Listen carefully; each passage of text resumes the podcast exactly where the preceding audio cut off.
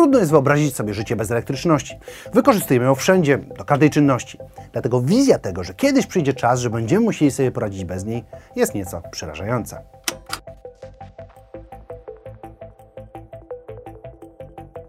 Na tym kanale rozmawialiśmy już o sytuacji, w której prądu po prostu zabraknie z dnia na dzień. Do tego poruszyliśmy temat ropy i tego, kiedy się nam skończy. Ale może warto połączyć oba te tematy i zastanowić się, czy koncepcja tego, że kiedyś skończy się nam jakikolwiek prąd, jest w ogóle realna.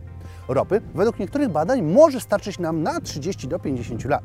Dokładnie omówiliśmy to w przytoczonym filmie, więc nie ma co się powtarzać, ale są jeszcze inne paliwa kopalne, węgiel i gaz.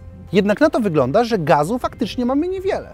Rezerwy i znane nam złoża starczą na około 53 lata, jednak badania te są z 2015 roku, więc istnieje szansa, że ilość gazu spadła. Do tego należy doliczyć jeszcze to, że pojawiły się doniesienia o konstrukcji nowych elektrowni gazowych. Z węglem sytuacja ma się trochę lepiej, a nawet dwukrotnie lepiej, bo rezerwy mają nam starczyć na ponad 100 lat. Jednak nawet w najbardziej optymistycznym założeniu te paliwa się nam skończą. Czemu? No bo są kopalne. Ich ilość jest ograniczona, e, niezależnie jak duża może ona być. To z kolei może prowadzić do tego, że nie będziemy mieli wyboru, jak znaleźć metody pozyskiwania prądu z innych źródeł, a jeśli sprawą nie zainteresujemy się w najbliższych latach, to może spotkać nas sytuacja, gdzie prąd nie będzie dostępny w gniazdku 24 na 7. Brak stałego dostępu do prądu na Ziemi nie musi oznaczać jednak przerwania pracy na Twoim komputerze gdziekolwiek chcesz. Dzięki procesorom Intel 11 generacji, które możesz znaleźć w wielu laptopach, możesz cieszyć się fuzją mobilności, dostępności i wydajności. Niezależnie od tego, gdzie się znajdujesz, czy jest to plan zdjęciowy, czy wycieczka do lasu, zawsze możesz mieć pod ręką maszynę, która pozwoli Ci w pełni realizować swoje inspiracje, czy po prostu pracować bez żadnych ograniczeń. Sam zresztą taki sprzęt wykorzystuję. No, w moim przypadku jest to Asus TUF F15, który pomaga mi chociażby przy zbieraniu materiałów do odcinków czy szybkiej obróbki zdjęć w trakcie nagrań. Laptopy z Intel Core 11 generacji w niczym nie odstają od wydajności PC-ów, a są dużo bardziej dostępne i mobilne. Dlatego zachęcam do sprawdzenia oferty komputerów z procesorami Intel oraz specjalną promocję, którą przygotował dla Was Intel. Linki znajdziecie w opisie. I po to właśnie ludzkość zaczyna myśleć o innych metodach pozyskiwania energii. Jakich? Na przykład o energii atomowej. Na świecie mamy 443 reaktory nuklearne, które dostarczają prąd do naszych gospodarstw. Ich udział w energetyce się zwiększa, a zapasów mamy na ponad 200 lat.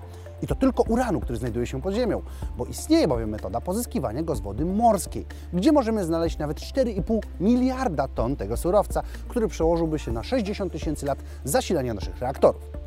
Samo to już jest w stanie nas mocno uspokoić, bo przecież 60 tysięcy lat to czas tak długi, że na pewno znajdziemy do tego czasu inne źródło energii, które nie skończy się tak łatwo, nawet przy poborze wielokrotnie większym od obecnego.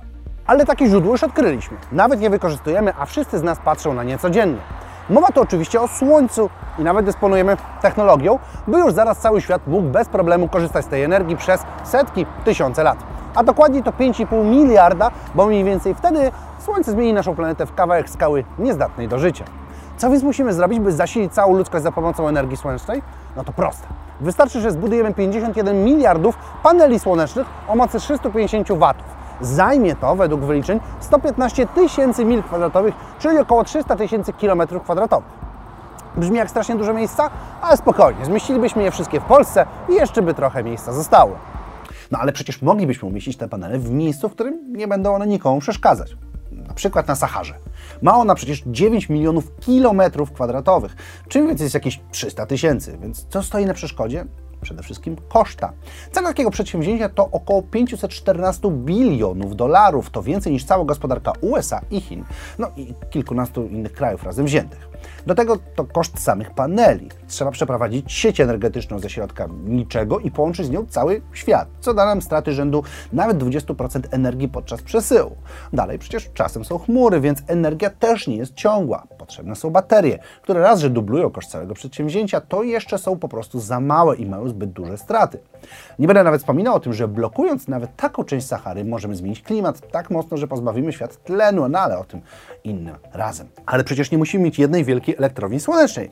Z wyjdzie nam, że 0,2 powierzchni całego świata wystarczy, by panele zasiliły nasze społeczeństwo. Więc jeśli przekształcimy 20% naszych miast i siedlisk tak, by miały na sobie panele, to możemy faktycznie mocno wspomóc nasze istniejące sieci energetyczne.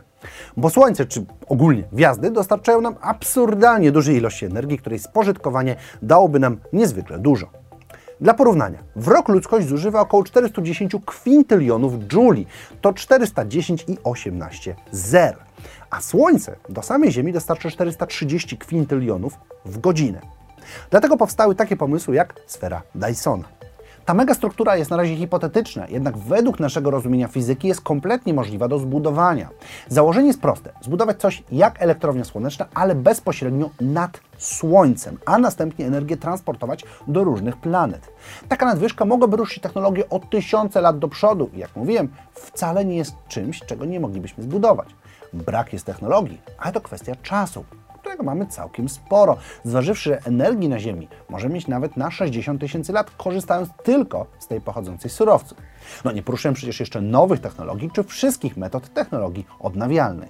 No ale no dobrze, załóżmy, że ludzkość wespnie się na wyżyny i uda nam się podpiąć do Słońca. Co wtedy? Czy to koniec? Energii starczy nam do końca, w sumie do końca czego? Sfera Dysona raz zbudowana da nam energię potrzebną, by móc na przykład znaleźć inne gwiazdy i tam zbudować kolejną. Nowe typy reaktorów, o których my nawet nie mamy pojęcia, też mogą powstać całkiem niedługo. Dlatego jedyną metodą, w której energia nam się skończy, to sytuacja, w której energii nie będzie wcale. Po prostu skończy się energia we wszechświecie, gdy ten nie wiem, eksploduje, imploduje, czy po prostu przestanie być.